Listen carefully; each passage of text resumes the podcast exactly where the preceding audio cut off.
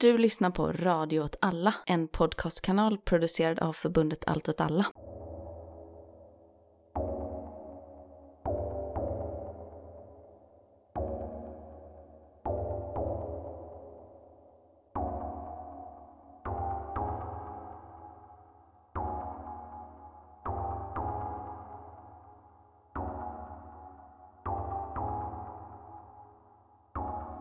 Hej och välkomna till Eld och rörelse. Udda krig och perspektiv. Med mig, Martin. Och med mig, Myran. Um, hur står det till med dig? Jo, det är bra. Man är lite måndagstrött kanske, men annars är det fint. Ja, det är måndag idag. Jag mår skit. Ja, du är sänkt på något sätt. Du Mm. kanske tror att du kommer att hålla på att bli sjuk. Jag tror att jag håller på att bli sjuk. Min, min son har haft uh, vinterkräksjuka för typ fem dagar sedan. Så jag tänkte att jag var off the hook liksom på något sätt. Det kan vara det. Och det här är att jag sitter här mitt emot dig då. Jag kommer sitta riktigt länge. Är att vi har ätit oss med samma bestick precis också Precis. för att uh, spara in pengar. Nej, han uh, spydde typ en gång i halvtimmen i eh, fem timmar i sträck. Stackarn. Ja, det var inte, inte kul. Det var inte kul för mig heller, men eh, det var värre för honom. När de är så små, han är ju, han är ju fyller tre alldeles strax, så eh, måste det vara helt jävla bisarrt att spy. Mm. Jag kommer nog inte ihåg hur det var när man var tre, men man kommer ihåg det här att vara liten och spy och bli hållen liksom runt pannan och så för att man inte håller upp huvudet så att man inte ska spy ner hela toalettgolvet och sådana saker liksom. Att det. är en väldigt, att man känner sig väldigt eh, maktlös liksom, att man inte har kontroll på sin egen kropp på något sätt liksom, så att man är utlämnad lite till, till spyendets kontroll på sätt. Men också då kanske att man var då i händerna på en vuxen så var man ju också liksom på något sätt något skönt i det att liksom då i den situationen få ett vuxet stöd liksom. Så det kanske du kan tänka på att det kanske är att du ger den. Tryggheten där Ja. på något sätt. Ja, jag tänker reflektera själv över, eh, jag är inte vinterkräksjuk så ofta. Förra gången jag var riktigt vinterkräksjuk eh, var efter ett julbord där hela min umgängeskrets blev vinterkräksjuka. Och då kommer jag ihåg att då var jag liksom ändå en vuxen man på något sätt. Och att jag satt på min toalett, gjorde inte alls. Jag låg framför min toalett och spydde ner den och tänkte, jag känner mig döende. Mm. Och då har jag ändå varit döende ett par gånger i mitt liv. Men då slog det aldrig mig. Så just det här att liksom, man är så fruktansvärt svag i, man, i kroppen på något sätt. Och det är jävligt obehagligt i det. Och det kan jag tänka att man som litet barn också måste vara jättesvårt. Nu kommer det ut massa saker ur min mun, jag har ont i huvudet, jag har helt värk i hela kroppen, jag känner mig väldigt svag. Å andra sidan kanske de inte reflekterar över döden på det sättet. Var jag med på det julbordet? Jag tror det. Att det var typ så här 40 pers och så blev 35 av dem sjuka. Och jag blev inte det. Så jag klarade mig under den. Men är du immun? Nej, det tror jag inte. Man kan ju vara immun mot liksom vissa strängar av den också. vem vet men- det, men... Nej, men jag, jag tänker nog bara på ett stort äckel inför liksom tillvaron med att vara så här vinterkräksjuk. Att man bara vill bort och man äcklas av att vara sjuk på något sätt. Liksom. Ja. Och det sista man åt innan det slog till. Visst. Kommer du ihåg vad det sista var jag åt Nej, men jag kan tänka mig. innan det slog till efter det en julbordsvinterkräksjuka? Någonting du inte ska ha gillat sen dess. Eh, var det någon potatisrätt då? Ja, det, då är det strikt sett, men det är inte det, utan det var pizzeria Damaris Jaha. pommespizza, som du var väldigt förtjust i. Ja, jag tror att vi hade käkat en sån, det var liksom kebab och pommes, och de hade en väldigt specifik stark sås. Mm, just det. Som jag då spydde ut genom min näsa. Ja. Inte, inte ren då, för det var en stark sås. Och den pizzan rörde jag inte sen efter det. Nu bor jag ju mycket längre bort ifrån pizzeria Damari också, så att... Du behöver inte gå till någon Nej, just nej, ja, precis. Men du äter andra pommespizzor ju. Ja, Det händer det händer. Men eh, det är inte vad vi ska prata om idag. Eh, om vi, Tyvärr är det inte ett helt pommespizza-avsnitt. även om vi ska prata en del om kräk. Ja. Bra övergång, eller hur? Det- Mm. Det här är verkligen min grej. Ja. Det här är min grej med Ja. övergångarna. Ja, det är bra. Nyhetssvepet med eld och rörelse. Det ska tydligen vara en jingle på ingång om kanske en månad eller någonting. Jag Mm. hoppas det. Vi får hoppas det. Veckans nyhetssvep. Först ut, vi eh, behöver nämna att det är ganska oroligt i Syrien igen nu, framförallt runt Rojava och Tal Rifat som är en ort ja, en ort ja, och inte liksom en del av Rojava. Det är liksom avskuret från den nordöstra administrationen. Så om man har lite koll på Syrien så kan man säga att man har Rojava i nordöstra delen och sen i norra delen så ligger Al-Bab, guvernatet, som ju kontrolleras av Turkiet och TFSA, alltså turkiska FSA. Och väster om det så är ju det man kallar för Afrin, som ju är också ockuperat av TFSA, men där det sker ett väldigt aktivt gerillakrig mot TFSA. Och där det en gång var en kanton av Rojava. Det finns väl en liten bit kvar längre söder. Medan Al-Bab aldrig var det väl? Nej, precis. Man han, det som händer i Al-Bab-guvernatet är ju att eh, Turkiet eh, tar marken från eh, Islamiska staten. Ja. Så kan man säga. Medan då Afrin aldrig faller under eh, Islamiska staten utan befrias väldigt tidigt av kurdiska styrkor. Och sen så håller de kurdiska styrkorna området fram tills en turkisk offensiv för ett eh, par år sedan. Och nu är det oroligt igen och detta baseras ju framför allt på en del truppförflyttelser, men också att Erdogans retorik har igen liksom taggats igång. Det har skett möten med både USA och Ryssland, man vet inte riktigt vad som har sagt på dem. Framför allt så har han ju nyligen varit på ett möte med Putin. Vi ska inte spekulera för mycket om vad jag, man tror kommer hända, men det finns vissa objektiva saker i det här som jag tycker är väldigt intressant. Och det är väl att säga att Operation Fredsfontänen, eller eh, Peace Spring, som förra invasionen hette. Där man, eh, man tog en remsa helt enkelt ett par mil in av eh, nordöstra administrationen och sen så gav man det till de här legosoldatsrövarbanden som nu får härja runt fritt där. Och man deporterar olika flyktingar från Syrien dit för att kunna avlasta det turkiska ekonomiska systemet och liksom den jättestarka rasismen som finns mot syriska flyktingar i Turkiet. Den här remsan då, den sträcker sig mellan två orter och för att kunna binda ihop Al-Bab-guvernatet då, eller Al-Bab-delen som ju har, som är ändå kontroll av Turkiet, med den här remsan man har tagit och på så sätt liksom bygga ihop hela den här ockupationen av norra Syrien, så ligger det en liten, liten stad i vägen som heter Kobane. Och den måste man liksom ta för att kunna knyta ihop det här. Det är en sak som kan sägas. Det andra är ju att man kan fortsätta trycka in och försöka klyva Rojava i ytterligare två delar. Och det var väl ganska tydligt att det var det de försökte göra förra gången. Så körde de fast bland annat över en stad som heter Taltamer, som idag är uppförstärkt av syriska regimtrupper. Om man ska titta på förra invasionen så kan man säga att en viktig sak som möjliggjorde den var ju att Trump då, eller Trumps administration, gick in och förhandlade med Turkiet i ett försök att hålla ute Turkiet från att invadera de PYD-kontrollerade territorierna, alltså nordöstra administrationen. Och blåste helt enkelt dem de fick att, dem att överge en massa fortifikationer kan man väl säga, alltså tunnlar och skyttegravar i olika platser och dra sig längre bak för att USA skulle ta över ansvaret då för att på så sätt säkra den turkiska gränsen. När invasionen sen sker, då är de liksom kurdiska förbanden, eller SDFs förband, de är liksom tillbakatryckta redan och man har inte hunnit bygga upp nya fortifikationer. Det kommer ju inte hända igen. Utan det som har hänt är att det här eviga kriget med de här turkiska legosoldaterna har ju pågått ända sedan operation Peace som ju är 2019. Jag tror det är 5 eller 6 oktober den påbörjas. Så bara där har de ju en svårare situation att intervenera i. Det är också att syriska trupper är mer sammanflätade idag än vad de var innan. För SDFs svar, eller PYDs svar då på att USA lät Turkiet göra det här. Då sa de, okej, okay, men då förhandlar vi med Ryssland då. Och Assad. Vilket de gjorde. Och Putin är ju som han är och Biden är ju som han är.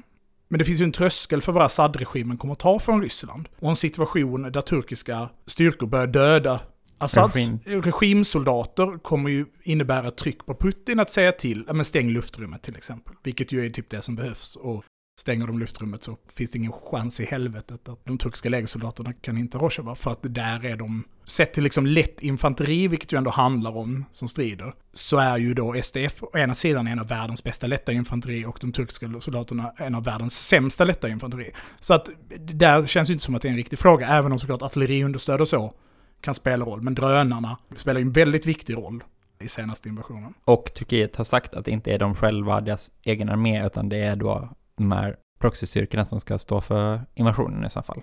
Ja, och så var det ju lite förra gången också. Så jag tycker ändå mycket jag tycker att det bryter mot vad som skedde förra gången. Även om de hade visst liksom understöd av turkiska förband. Framförallt liksom eh, specialförband. Och stridsvagnar. Och stridsvagnar. Men det är i alla fall, jag tycker att ganska mycket pekar på att det kanske, sammandrabbningen kanske kommer ske vid... Eh, Talrifat. Talrifat, ja. Tell. Tall. Tell, tall, jag vet inte, vi är ingen språkpodd, jag har ingen aning. Och, och ganska många olika skäl.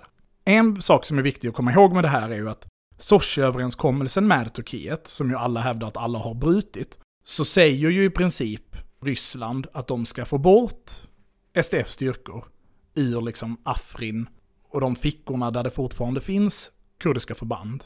Det är fel att säga kurdiska förband, för det finns kurdiska förband på Assads sida och på FSAs sida. Och så finns det då SDF eller då HRE, alltså Afrins motståndsrörelse. Det har ju inte skett. Så att det kan ju finnas en, liksom en bit i den här förhandlingen att Turkiet då ska fullfölja det här och få bort dem ur de västra delarna av Syrien.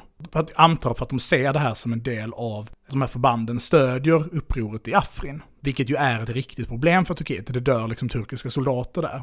Alltså att SDF-förband finns söder om det ockuperade Afrin och skickar upp hjälp till HRE då, liksom i, i praktiken, är det du säger? Ja. Och det lovade Turkiet att, nej, det lovade Ryssland att de skulle bort därifrån. På något Och sätt. ersättas av, Av syriska förband Just det. istället. Alltså det, det är ju- är ju superkomplicerat. Och jag, det var länge sedan jag tittade på Sochi-överenskommelsen. Men, men det är så jag har för Mm. mig att det är.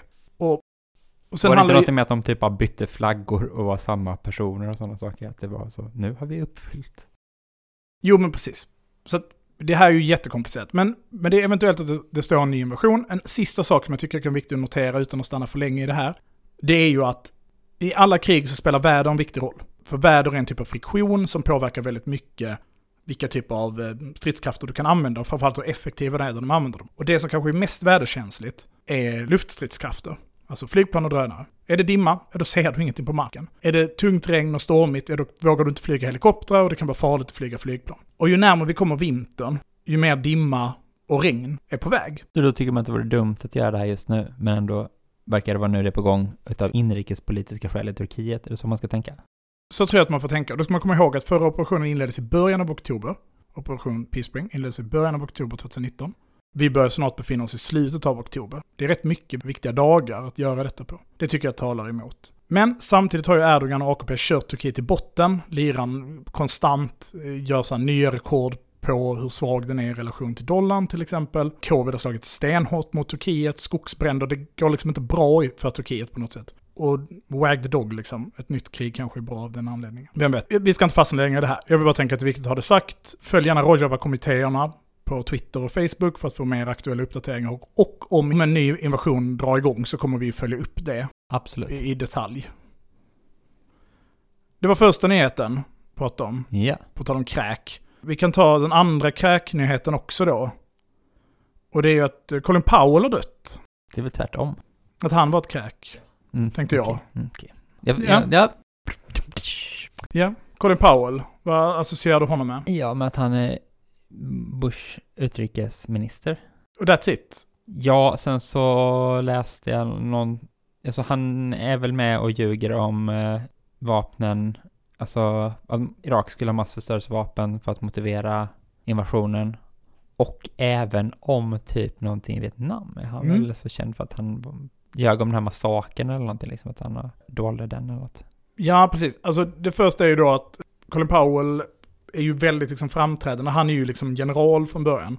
Den första afroamerikanska generalen att sitta som chairman of Joint of Staff tror jag. Så att han är liksom verkligen en hotshot, vilket man kan tänka sig om han sen blir Secretary of State. Han eh, är ju väldigt mycket en påhejare av Irakkriget. Han leder väl också typ Gulfkriget, Panama-invasionen. Han har liksom ett gäng sådana. Spännande nog motsätter han sig Operation Gothic Serpent, som man säger den här bombningen, du vet Bosnien, Serbien, Ja, hela den Kosovo-grejen där liksom. Han driver en ganska protektionistisk linje.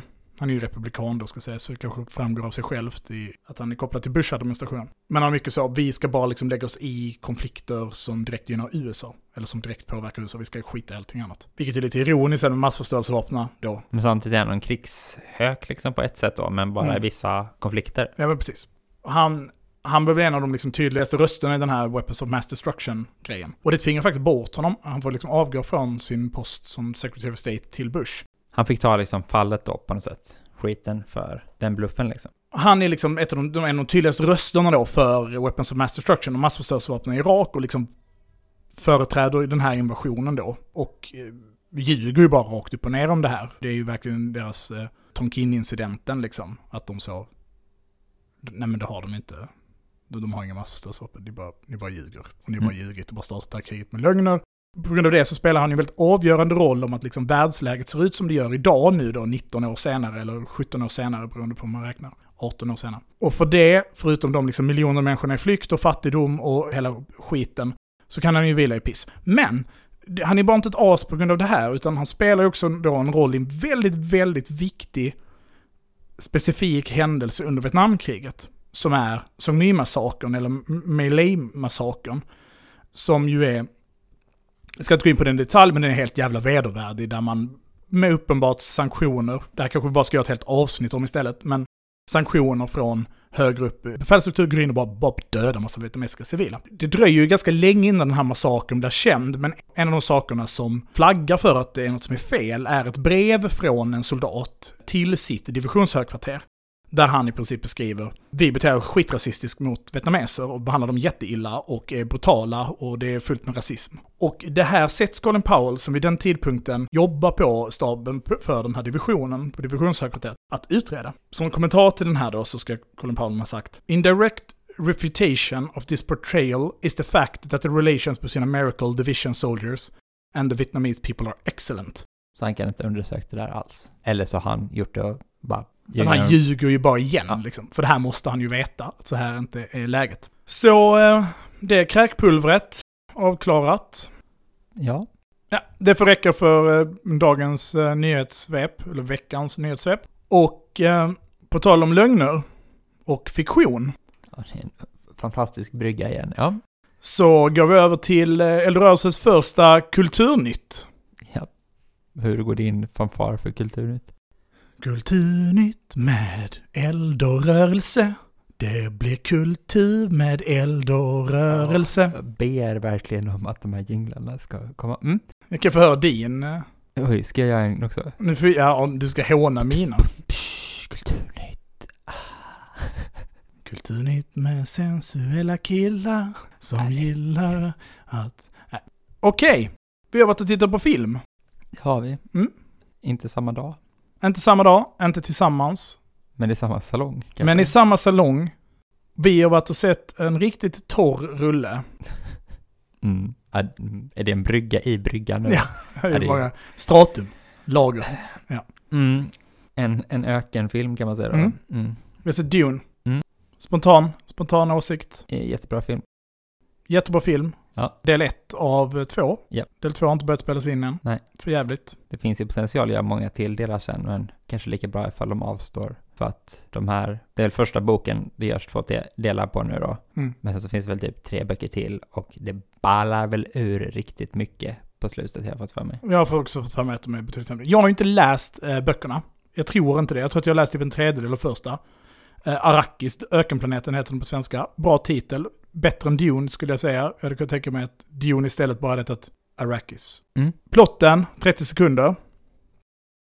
Ja, det finns en ökenplanet där det finns världens viktigaste resurs som är spice eller melange som gör att man får någon sorts övernaturliga krafter. Det finns ett ont hus som heter något finskt som äger den. Kejsaren tycker de är för rika och han tycker också att ett annat adelshus som då finns i den här mänskliga civilisationen är för politiskt mäktiga. Så då så kommer han på den briljanta idén att han ska byta ut kontrollen över planeten och på så sätt skapa krig mellan de här husen. Och då så får man följa det här politiska husets, som också då på något sätt är de man sympatiserar med, deras försök att överleva den här intrigen liksom. Och sen så bara vara på den här då ökenplaneten de helt plötsligt blir omflyttade till i sin väldigt karga och hårda miljö. Och där möter de också en upprorsgrupp, eller vad man ska säga, som är någon sorts urbefolkning då, fast de också uppenbart har kommit till planeten någon gång, men som heter Fremanerna. Och så är väl plotten hur de tillsammans bekämpar de här riktigt elaka finnarna. Mm. Det var lite mer än 30 sekunder. Ja, det så, var jättesvårt att göra på 30 sekunder. Ja. Så att settingen är ju då den här ökenplaneten Araki som är fullständigt ogästvänlig för människor. Det är piss att bo där, det finns i princip inget vatten. Det finns lite på polerna i norr och syd. Hus Harkonnen då, de här finnarna, de eh, sparkas bort från planeten och eh, hus Artredis, vill jag minnas att det är, får ta över då eh, styret liksom. Och Harkonnen då är väl den, den typiska rymdnazisten ska jag säga. De är superonda, de hatar människor, de bryr sig bara om sig själva, de är bleka, gillar svarta kläder. Ja. Mm. Mm. Och sen har vi då hus Atreides som då snarare representerar typ den goda adligheten, med vis och klok och duktig på att kriga, som får ta över. Och i allt det här, som är lite spännande då, är ju att det finns liksom ett, en religiös profetia och massa olika förvecklingar. Men jag tänker att vi inte ska stanna så mycket i dem. Se gärna filmen. Men det finns ju vissa saker som slår en när man tittar på den, i och med att den berör så uppenbarligen upprorsbekämpning, för det kretsar ju runt det här. Om vi liksom bara stannar då vid den biten, så är det ju det så här. Jag tänker att parallellen till nazister med Harkonnens, eller Harkonnen, eller vad vi vill kalla dem, är ju ganska lämplig, eftersom att de också ter sig ganska mycket som just nazister i sitt sätt att kriga. Alltså väldigt duktiga på det taktiska planet och kanske på det operationella, men fasansfullt dåliga på det strategiska. Ah. Mm. Men Ehm, du skulle alltså säga att det var en, att en blåbrun fraktion i rymden? Ja, eller en ren brun, en brun fraktion då. Och så är väl Atreides då blå. De har ju allierat sig med kejsaren där tänkte jag. Ja, just det, som är den blå fraktionen Ja. då. Ja, precis. Och när hus Atreides faller, genomför ju då, för er som har sett filmerna eller läst boken, så, så är det ju uppenbart att de har genomfört en extremt skicklig operation. Alltså de har lyckats färdas genom rymden, skickligt använda liksom nålsticksaktioner för att sänka försvaret, invadera och i princip radera hela hus Atreides med minimala förluster själv. Trots då att hus Atreides liksom stora grejer hur skickliga krigare de är. Ja, det kan man ju se som någon kanske då lite orealistisk. Okej, alltid orealistiskt. Ursäkta. det finns inte på riktigt en ökenplanet med kryddor. Nej. Nej, men alltså att, att man tycker att det är lite ett plot hole då på något sätt. Att de här superskickliga soldaterna, de bara glömde det här med att hålla vakt. Just också en situation där de visste att de var hotade av det andra huset, liksom, för det sägs ju öppet eller så. Mm. Så, Men det finns historiska paralleller till likheter.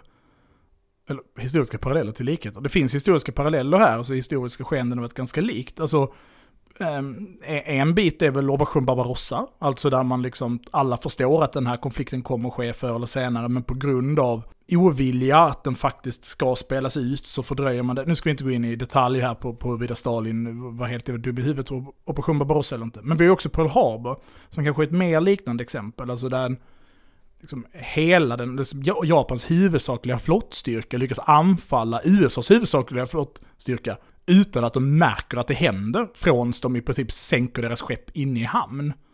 mm. Alltså de förflyttar en, en flotta över liksom en tredjedel av jordens yta, men så långt är det ja. inte. Men, De gjorde ett väldigt oväntat drag där, men det kanske är då den här rymd... men så färden. oväntat var det ju inte liksom, eh, Pearl Harbor.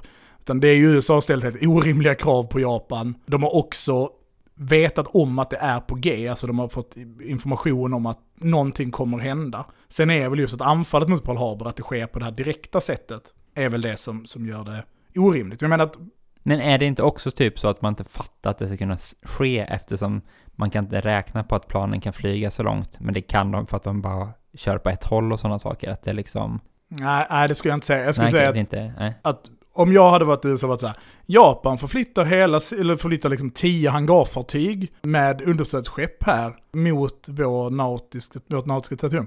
Kanske borde typ bemanna våra luftvärnskanoner när de är i närheten. Alltså det är ju ändå på det sättet, det är en tredjedel av deras luftvärnskanoner som är bemannade på Pearl Harbor. Så vi behöver inte stanna i Pearl Harbor, men jag menar att det finns ju historiska exempel på skenmanövrar eller liksom eh, väldigt skicklig överraskning. Och på det här sättet är ju Harkonnen otroligt duktiga. Visst, vi kan se det så istället. Att De är också väldigt lika nazister på ett annat perspektiv då. Det är att de är fruktansvärt dåliga på underrättelseinformation. För att de vet inte... Ja, de är ju så här, men det finns väl 50 000 fremaner på den här Ja, planeten just och så finns det två miljoner liksom. Mm. Och där har vi också parallellen till nazisterna. De är här, när de strider utanför Moskva så tror nazisterna så här, men det här måste vara liksom förband som tar sig ut när vi omringade och förintade två miljoner soldater eller vad det är, sker, första delen av Operation Barbarossa. Men nej, nej, det är helt nya sovjetiska förband som vi bara kan pumpa ut. När allas beräkningar är att ja, men Sovjet, eh, de kommer att kunna sätta ut eh, fem miljoner soldater ungefär, sen är det färdigt. Liksom. En liten miss. Ja, liten miss. Just. Också en typisk skickligt taktisk, värdelöst strategiska. Också väl rätt mycket hur de föreställer sig hur de ska vinna. På Arrakis då så finns det finns liksom en stor stad. Ehm, eller en stor stad som är med en rymdhamn som är tillgänglig liksom för Imperiet. ja, ockupanterna då av, av Arrakis. Och då är det så här, men har vi tagit den så har vi tagit planeten. Då har vi ju kontroll. nu har vi vunnit liksom. Och så kan vi bara döda de här dumma ökennomaderna liksom, och så är det lugnt sen. Den typen av isolation är ju katastrof liksom ur ett strategiskt perspektiv, för det som händer är ju precis det att de kontrollerar en viktig punkt på planeten. Men de kontrollerar ju de facto inte planeten. Och det en spännande reflektion att det som sen sker då, hur de föreställer sig att de ska vinna mot den här, vad ska man säga, native då, men eller så hemmahörande befolkningen, eller de som är vana vid att använda terrängen, är ju där igen liksom, men vi använder vår överlägsna eldkraft eller våra liksom, överlägsna resurser för att vinna på något sätt. När det själva verket är att Arrakis är en resurs, och det är därför de är där. Jag hinner nog inte med vad du sa, i själva verket jämfört Deras med rikedom är ju baserad på att de har kontrollerat Arrakis. att de kontrollerar hela planeten. Ja. Och, eller kunnat utvinna melange då, eller krydda eller spice. Och deras rikedom finns inte om de inte kontrollerar planeten. Nej, absolut. Så de har inga resurser att ta av om de inte kontrollerar planeten. Så det finns Mm. liksom, maktförhållandet på något sätt är på, på taktiskt plan fördelaktigt för Harkonnen. Framför allt då gentemot sin liksom likvärdiga part. Frankrike då, om man är nazist. Här har vi en annan liksom, nation som fungerar på liksom, den här grundläggande nationella strukturen där vi kan förhandla, de kan kapitulera och vi kan sätta dit liksom, en, en lydstat. Men då i kampen mot Sovjetunionen till exempel, eller japanerna i kampen mot Kina. Okej, men vi har ju som vunnit nu, nu borde vi ju ha en, en förhandling och så, så borde de kapitulera och, och då bara fortsätter kriget. Och med partisanverksamhet och liknande.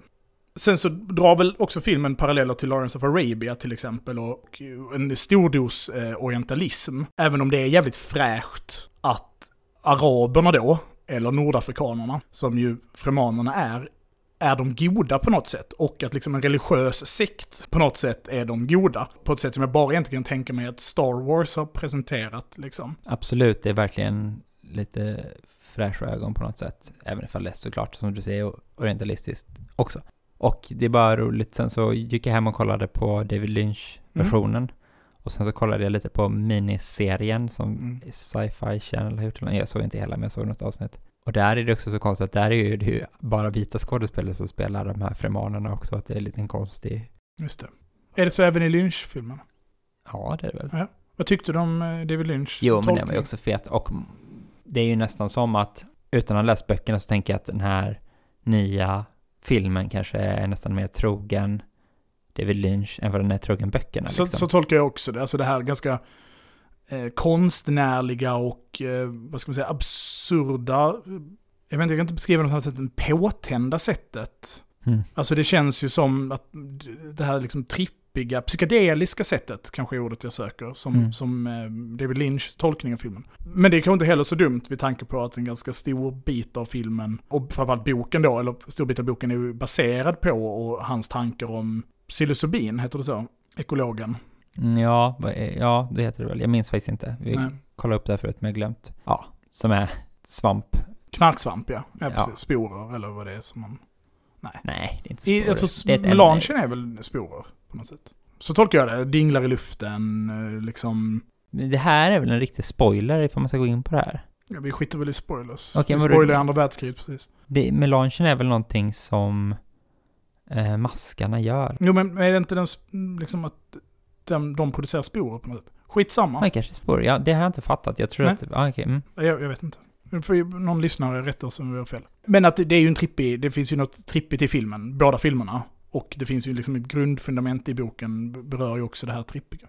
Jag tycker såklart att den nya filmen är mycket snyggare och mycket liksom skådespeleriet är mycket bättre och så. Det känns ju mycket mer teatraliskt i David Lynch-versionen men också för jag tänker mig att det var så man gjorde sci-fi på den tiden på något sätt liksom och kanske filmen överhuvudtaget liksom så. Men att det på något sätt finns det också något att det kan stå för sig på något sätt och vara liksom, man kan uppskatta som man kan uppskatta teater mer än film på något sätt, eller som en egen konstform liksom, att det är lite så att man kan se filmen lite som i sin egen genre båda två. Så jag uppskattar att kolla på den också. Vi har Mm. sett den förut tillsammans en gång till och med. Mm, Just det. Fast då så råkade jag missa de första fem minuterna för att jag pratade om något annat. Och då förklarades hela grunden så förstod jag ingenting av filmen. Mm. Och du vägrade berätta för du tyckte att jag hade sabbat lite för mig själv där och det var väl så. Det Uh, lite som när vi diskuterar andra världskriget. Du, är liksom, du kommer in lite sent och säger vad handlar det här om? varför gjorde de? jag fattar inte Varför varför. är det så jävla konstigt? Jag förstår inte. Nej men det är ju roligt att vissa scener är i princip replikerade Mm. liksom frame för frame nästan. Och mycket estetiskt så. Samtidigt som såklart mycket annorlunda. Det var många gånger jag sa samma Ja. sak. Mm. Tillbaka då till liksom den militära dimensionen av filmen, så tänker jag att det verkligen är så att det är ett tydligt exempel på en stark makts idé om hur de ska kunna bekämpa en, en eh, lokal motståndskraft. Och nu finns det ju en massa andra parametrar i den här filmen som ju inte oftast gäller, till exempel då att man har Messias med sig, eh, eller att det finns en matriarkal religiös sekt som i tusen år har producerat fram en typ supermagiker. Men grundbiten om att du har den här makten, den tar en plats, den har liksom captured the flag, tagit över, nu är det vi som styr. Vi har de här dumma urinvånarna som är militärt underlägsna oss eftersom att sättet vi krigar på är det konventionella sättet att föra krig, även om då Harkonnen är väldigt skickliga då med de här som jag sa, de nålsticksaktionerna eller liksom sabotageangreppen. De stänger ner olika sköldar och de lönnmördar folk och har egentligen sett till att vinna redan innan slaget är utkämpat. Alltså väldigt skicklig då, Clausewitz eller liksom Sun Tzu-modell för krigsföring, eller Mao Zedong för den delen. Jätteskickligt. Men sen så står de där helt handfallna efteråt, när det är så, men nu har vi vunnit, fast ingen annan håller med om att vi har vunnit. Så därför ska vi bara typ dra igång en typ av etnisk rensning istället. Medan då hus Artredis då har haft en mycket mer modern i föreställning om hur det här ska gå till. Alltså vi måste förhandla med den lokala parten. Och, så. Och där kommer referensen till Lawrence of Arabia på något sätt. Precis. Mm. Det är det här förhandling med lokala stammar, klaner liksom, för att då tjäna brittiska imperiets sak då liksom, och i utbyte med något löfte om att i framtiden så kommer ni få ut något av det här. Typ liksom. självständig stat. Ja. Palestina. Absolut. Och någonstans så måste man ju då ta hänsyn till öknens terräng, vilket då också då är koppling till Lawrence of Arabia. Och det tycker jag också är spännande, för att öknen blir en väldigt specifik terräng på det sättet att den är väldigt lik havet på många sätt. Vilket Mm. gör den spännande. Och det är ju en parallell som dras i många filmer och i vår tid också, liksom idén om att man måste fara över öknen på något sätt. Och Jo, och vadå, kamelen, är öknens skepp och det ena med det tredje. Ja. Precis. Det man kan säga om öknen idag som, som, som eller ju vår samtid på något sätt, eller under 1900-talet och 2000-talets historia, så är det ju att öknen är ett av få slagfält där, där den här teknologifetischismen faktiskt stämmer. För att om vi pratar om att staden då, liksom den urbana terrängen är en demokratisering av, eh, eller liksom utjämnare av teknikens fördelar, så, så är ju öknen och haven i princip tvärtom. För att det är så lätt att insamla information om du har tillgång till flygfarkoster, till exempel drönare eller flygplan, så är det väldigt lätt, för du kan inte gömma dig. Du saknar liksom den typen av terräng. Det finns ingen civilbefolkning, det är väl en dum men det är relativt lite civilbefolkning jämfört med många andra platser som brukad mark eh, eller städer. Och transportmedel blir väldigt viktigt att ha. Och starkare liksom, försörjningslinjer med liksom, vatten då framförallt, men liksom, även då bränsle såklart och, och mat. Och du måste, mekanisering eller motorisering blir också väldigt viktigt för att du ska kunna föra fram de här. Du kan liksom inte ha så här, men då går vi och hämtar det för då dör vi. Så på så sätt är det ju tydligt att idag, och kanske sen andra världskriget, så är ju öknen det konventionella krigets slagfält på något sätt. Samtidigt som öknen kan vara lite på olika sätt. Alltså, men det finns väl mer berg i öken och så, och då börjar det finnas mer. Ja, men då, visst, då är man ju närmare då den här utjämnande terrängen där fordon inte spelar någon roll längre och flyg blir mycket mer komplicerat. Och man kan gömma sig precis, flyg, Mm. ja. Mm. Och det finns det väl lite av i Dune också, att de här fremanerna bor liksom i klippformationerna mellan ökenhaven då på något Mm. sätt. Öarna på havet liksom. Alltså, Ja, precis. Medan då brytningen eller eh, skördningen av melange, eller krydda eller spice då, Mm. sker ju ute på havet. Ja. Liksom, som att man fiskar upp det eller någonting.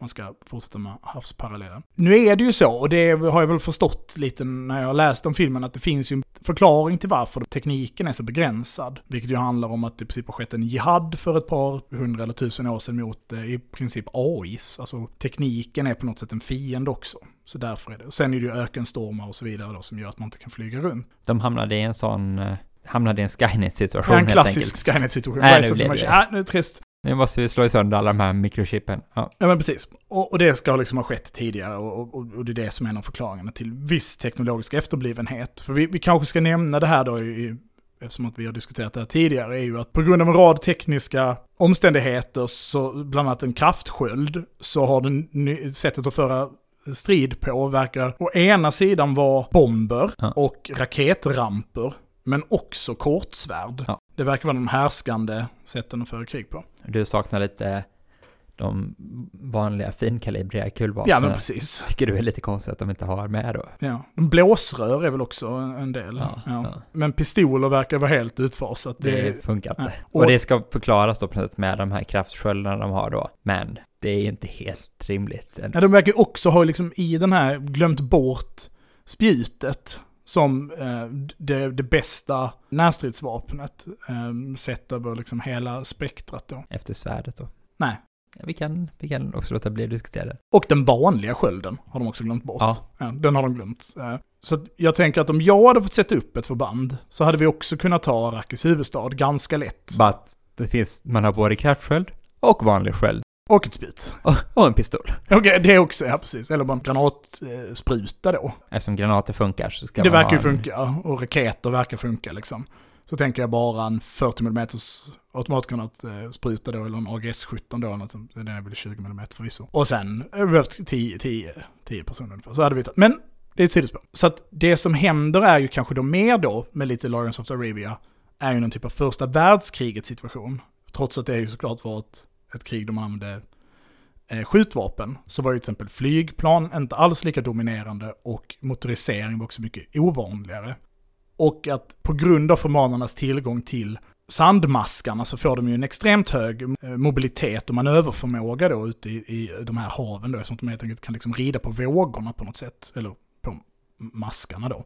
Och det är ju det som, utan att spoila nästa film då, kommer ju innebära att, eh, eller nu, nu spoilar jag nästa film helt enkelt då. Och det är ju att på grund av att Arkonen lite föreställer sig att de har vunnit när kriget inte är över, vi har tagit den här staden, nu är det klart.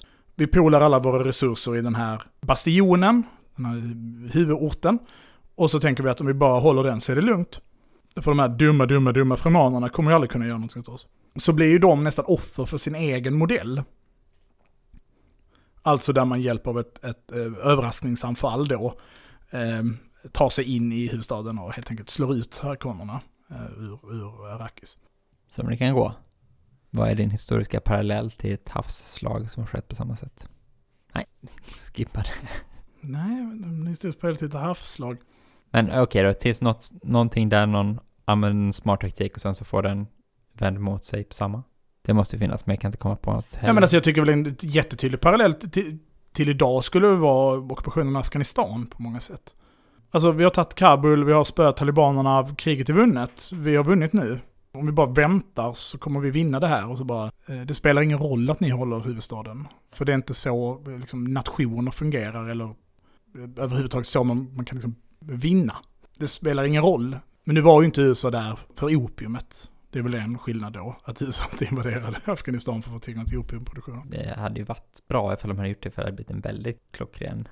Ja, det var Parallell väldigt tydlig då. parallell då. Ja, det är inte öken i Afghanistan eller? Är det stepp? Ja, det kanske, jag vet inte, det borde väl du veta, Ja. du är ekolog. Ja, vi säger bara att det är stepp. då. Det kanske finns massa öken i Afghanistan också. Men... Tänk mig att det finns en ja, öken ja, jag, Afghanistan jag också. vet, jag har aldrig varit i Man ska se Afghanistan. massa bilder så det jävligt torrt ut. Det ser torrt ut, ja. Riktigt, eh, riktigt. kan vara riktigt torrt också. Mm. Men, mm. En annan parallell som man liksom drar, jag drar till, till filmen är väl kriget mot amerikansk ursprungsbefolkning. Där det också finns den här idén om att vi i egenskap av att vara den här makten är bättre än våra fiender på att strida. Alltså att vi är engelsmän då, med det, det arvet. Och vi är ju där på så sätt liksom ättlingar eller tillhörande världens mäktigaste imperium, som vi förvisso hatar lite med det mest gör för att vi inte får göra precis vad vi vill. Och nu möter vi de här, vad vi uppfattar var liksom den här efterblivna civilisationen. Vi vill kanske till och med inte ens kalla det för en civilisation. Av vildar på något sätt. Och på grund av ens föreställning av dem som fega eller svaga eller så, så missar man att sett till liksom enskilda soldatens prestationer så överstiger liksom eh, Moahaken eller Cherokee- Shawnee-folket eller lenaperna, vilken, vilken indianstam egentligen som helst, irokeserna, någon av irokesernas eh, stammar. Våra soldater ungefär på 1 till 50 liksom, i, i stridsförmåga. Det är väldigt hög ras ju.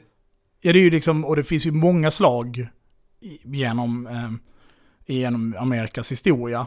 Eh, där väldigt få, eh, jag använder termen indianer här, men liksom amerikansk ursprungsbefolkning, eh, fullständigt gör bort de liksom vita trupperna. Mycket på grund av att, precis som man föreställer sig att deras sätt att kriga är väldigt ritualiserat, så är ju också vårt sätt att kriga väldigt ritualiserat, eller liksom västs idé om krig är väldigt ritualiserat. Att det finns liksom föreställningar om hur man förväntas bete sig, eller vilken typ av offervilja man har, eller, eh, eller då teknikens eh, eh, makt. Alltså där musköten till exempel är ett jättebra vapen på massa sätt. Men på två meters håll är det ett ganska dåligt vapen, framförallt när den andra personen har en yxa. Och har ett gevär för den delen, och jaga, liksom spenderar halva sitt liv med att jaga. Vilket antagligen gör den till mycket bättre skytt.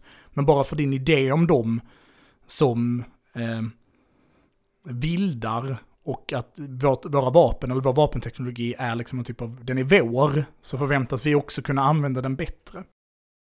I, i eh, Dune då, så, så vidare i berättelsen så handlar det ju om att det finns en föreställning om hur den här eh, eh, Atreides-sonen då, eh, Paul, ska... Eh, Paul? Han är inte skåning. Han är Paul. Paul, Paul eh, ska, ska eh, få de här fremanerna att bli liksom en del av av husets armé på något sätt. Och med hjälp av dessa fantastiska krigare som ju är så fruktansvärt hårda och drillade av den hårda, liksom härdade av det här fruktansvärt hårda klimatet de lever i, ska kunna användas till att skickas liksom runt och i princip kanske ta kejsartronen på grund av de här stridskrafterna då. Alla planeter i hela rymden kan de ta.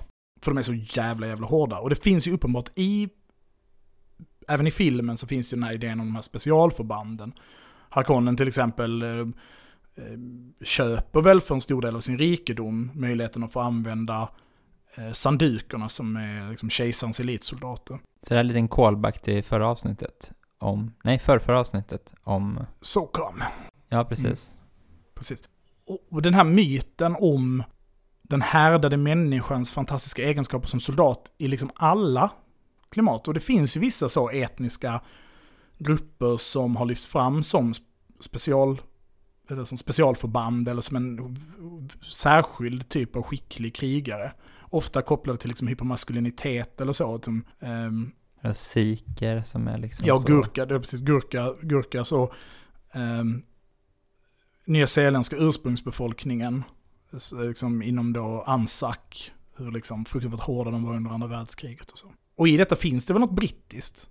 Alltså att idén om att man ska ta de här kolonialiserade människorna, göra något, och ta dem liksom i sin egenskap, nästan rasliga egenskaper, eh, och göra dem till superkrigare och skicka till andra platser och vara, vara superkrigare. Och det rimmar ju lite dåligt då med, ifall man tänker sig de här amerikanska First Nation-krigarna som var bra på att slå brittiska soldater i amerikansk sträng så kanske de inte hade varit lika bra ifall man hade skickat dem till att delta i slag mellan europeiska arméer liksom på, Nej, det på öppna fältslag liksom. Ja. Så att det, det är kontextuellt då vad man är. Ja, och att de här, jag tänker att parallellen är väl kanske framförallt till de här miliserna på något sätt som vi ser i, idag. Alltså att människor som i defensiv krigsföring slåss vad man uppfattar är sin hem, sitt hem eller liksom ens, men i brist på bättre ord, men liksom klan eller, eller liksom familjs eh, rätt. Har ju inte bara då fördelen av att man anser sig ha liksom en moralisk förpliktelse att strida och riskera sitt liv och därför uppvisa visst offermod och så vidare som kan vara jätteviktigt i krig. Men det är också platsen man är uppvuxen på det är platsen, liksom en terräng och en miljö där, som du är väldigt, väldigt eh, van vid. Och där, där din fiende, oftast då, eh, kommer, kommer uppfattas som väldigt främmande. Och du i sin tur eh, känner den liksom innan utan. Och bara, i den, bara det ger ju dig en typ av förmåga sett till strid. Men också att de här miliserna oftast är betydligt sämre på att använda sig offensiv krigsföring. Som att Turkiet har flugit runt olika, fast de kanske inte var lokala, så de FSA-förband till både Libyen och till Azerbajdzjan ja. och... Precis. Ja. Och jag tänker att i Jemen kan man också se det här att man är liksom väldigt skicklig på att eh, skydda eh, framförallt då bergområden som är terräng man är väldigt bekväm i. Men det är väldigt svårt att få samma trupper att genomföra liksom, duktiga offensiva anfall. Och, och mycket är det ju, utan att föregå då med framtida avsnitt när vi ska diskutera irokeserna och Choi och, och Mohawks och så vidare, som att det är det jag läser mycket om nu, så saknar de ju också verkligen den förmågan. De har väldigt svårt att omvandla sitt defensiva, sin e- defensiva krigsföring som kan vara otroligt skicklig och framgångsrik till offensiv krigsföring till, på en strategisk eller operationell nivå. Och därför blir det svårt i Dune att tänka sig att de här fremanerna på något sätt ska sättas på liksom olika rymdskepp styrda av nerpundade navigatörer. Och så ska de skickas till andra planeter för att i sin egenskap av att vara jävligt duktiga på att överleva öken och rida på sandmaskar ska kunna vara framgångsrika krigare någon annanstans. Och det tänker jag också hänger ihop med den här liksom medeltida, eller kanske romerska idén i, i Dune-filmerna om liksom stridsmannens förmåga till att hantera ett vapen. Skicklig med en kniv eller ett svärd då, som i Mm. Medan i en annan typ av krig så är inte den enskilda skyttens, den enskilda infanteristens förmåga till att skjuta till exempel är inte det som kanske definierar krigets framgång utan På en mer... kollektiv nivå, Ja. alltså på, på, på operationell nivå eller strategisk nivå. Då. Vad, vad kände vi våra trupper härnäst? Vad jobbar vi mot för mål och så? Viktigare än att man skjuter prick riktigt bra liksom. Ja, och framförallt hur, hur ska man motivera den här gruppen att uppvisa samma offervilja när du ska anfalla, i, då, i, i Dune-fallet, en annan planets försvars, försvarsstyrkor liksom. Eh, som du får, de ska uppvisa samma offervilja som du förväntar dem uppvisa sig när de slåss för sitt, typ sina barns trygghet. Liksom. Och, Och kanske den här profetian kommer in och hjälper och saker. ja. Just det, det är ju bra, att vara Messias och Ja. vara liksom en religiös sekt. Och det är klart, och där kan du frammana väldigt hög offer, offervilja, liksom, ha en stark rörelse. Om man Yes. dessutom Ja. är Messias, På riktigt. så alltså, underlättar ju det såklart eh, jättemycket Ja. för att, Just det. för att Det är förmå Det är ett tips till alla upprorsmakare där ute. Var mess Messias. var Messias på riktigt. Kun, kan du magi? Det är viktigt. Ja, men blir pluskanten. Det är, jätte, det är verkligen en, en, en fördel. Mm. En annan parallell som jag, reflektionen har är ju också att de porträtterar den här soldaten who goes native. Just det. De skickar liksom en av sina, hus Atreides skickar i förväg en av sina skickligaste soldater som man uppfattar tillhör någon typ av specialförband, någon typ av jägarförband eller rangers liksom. Som skickas till Arrakis för att ja, spana helt enkelt och försöka utläsa situationen på planeten.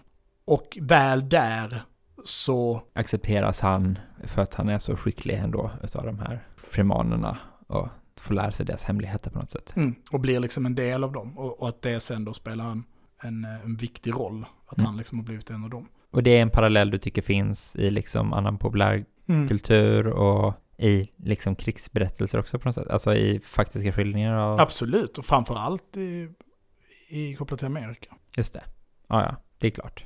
Nu ska inte det här avsnittet börja handla om det här istället eftersom att du är mycket väl medveten om att det är det här jag läser om just nu. Men, men Folk som blir adopterade in i stammar och sådana saker liksom. Och, ja, ja, och Gifter alltså in framförallt gifter in sig. Ja. Och att, att den kopplingen mellan vita och First Nations inte är, alltså det är inte så liksom vattentäta skott däremellan, utan tvärtom så är det liksom man skaffar barn och man gifter sig med varandra och man är pälsjägare och sen så blir man liksom intagen i en, en stam och sen så räknas man som en av dem och sen när man sen dör kanske i ett slag så i rullorna så är man bara en First Nations liksom. Men det kanske, det kanske var en svensk pälsjägare som, som dör i något av de här krigen. Och det finns det ju liksom dokumenterade, många dokumenterade händelser om. Liksom. Och att det är inte heller så att de här barnen sen i sin tur ses på av liksom imperiet eller så som andra klassens medborgare på något sätt, utan de får en massa höga positioner i liksom det, det brittiska imperiet och så. Vilket också ställer till det lite med ens idé om, om hur det här faktiskt eh, gick till. Verkligen ett sidospår som jag hade kunnat prata i en timme Mm. till om. men vi som- sparar det. vi sparar det. Nej, jag tyckte filmen var skitbra. Jag tyckte att, trots att det kanske kan uppfattas som ganska långsam under perioder, så ehm, tyckte jag att det gjorde mycket för, för stämningen i filmen. Och det vet jag inte om den fortfarande, eller hur lång tid till den går på bio, men det är ju verkligen en biofilm. Ja, visst. Det ska sägas att mycket stora scener och så som, som gör sig bra på, bra på film. Nej, men jag tänker att det kanske var allt om ehm, filmen, filmen Dune. Ja, får se ifall det blir en hit här med kulturrecension. Ja, Men får jättegärna skicka liksom eh, tips till oss eller saker ni hade velat att vi tittade på. Gärna inte ren krigsfilm, för det tycker jag ju är fruktansvärt tråkigt alltså.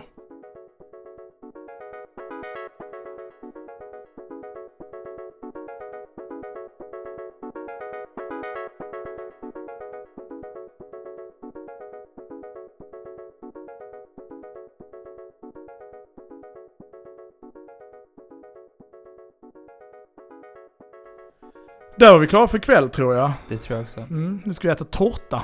Wow! Då Mm. blev jag helt plötsligt taggad. Men För du gillar tårta? Jag gillar tårta Ja, jag gillar inte tårta så mycket. Gillar du kakor mer? Ja, framförallt bakelse. Så det här vi snackat om, tårta och bakelse är samma sak. Nej, Jo, nej, nej det är det verkligen inte. tårta är bara en stor bakelse. Och därför en sämre bakelse. Det är ju så orimligt, för någonting är bra och du får mer av det så blir det bara bättre. Nej. Eh, nej. Jag, jag, jag orkar inte argumentera om det här, men du har fel. Det är Nej. klart det är jättebra med tårta. För du får välja på att få en prinsesstårta eller en prinsessbakelse. Prinsessbakelsen kommer Nej. att vara gjord med större kärlek, med mer detalj, liksom med mer finbalanserade smak. Inte alltid, men nästan alltid. Okej, så bara en riktigt bra tårta är lika bra som en bakelse. Ja, och det är ju sällan så. Okej, okej. Mm. Väldigt, väldigt sällan så. Man är inte beredd att lägga ut de pengarna tror jag det handlar om. Nej, precis. För då kostar den ju också fem eller tio gånger så mycket som... Mm. Fem eller tio gånger så större. Du tror inte vi kommer klippa bort det här då? Nej. Det här kanske vi bollar. Okej, eh, tack så jättemycket för att ni lyssnat. Man kan följa mig på Twitter. Där heter jag Trojkan1337.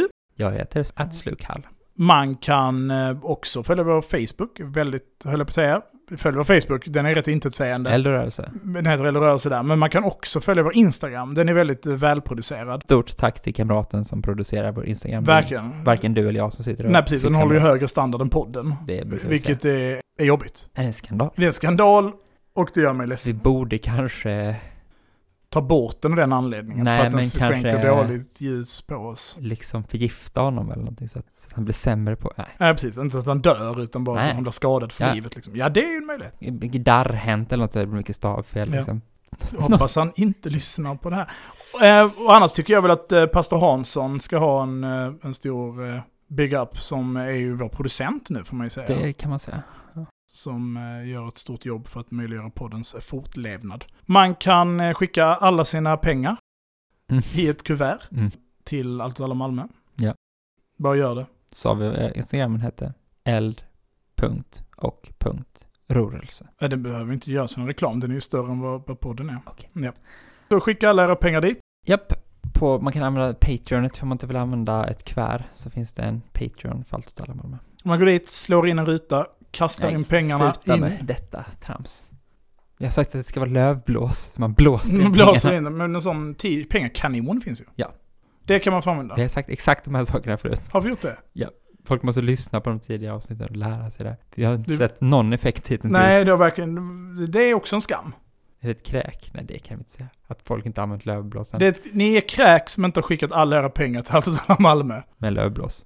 Överhuvudtaget, på oavsett. Alla som lyssnar och inte har skickat sina, alla sina pengar. Alla Fast sina pengar. Du, du säger alltid saker jag inte kan stå för i den här avdelningen av podden. Vad säger jag mer? Att det bara är arbete som ska skicka och inte rika, sa du exempelvis för förra Ja, ja, ja. Nu får det vara slut för idag. Tack och hej. Hej då. Hej då.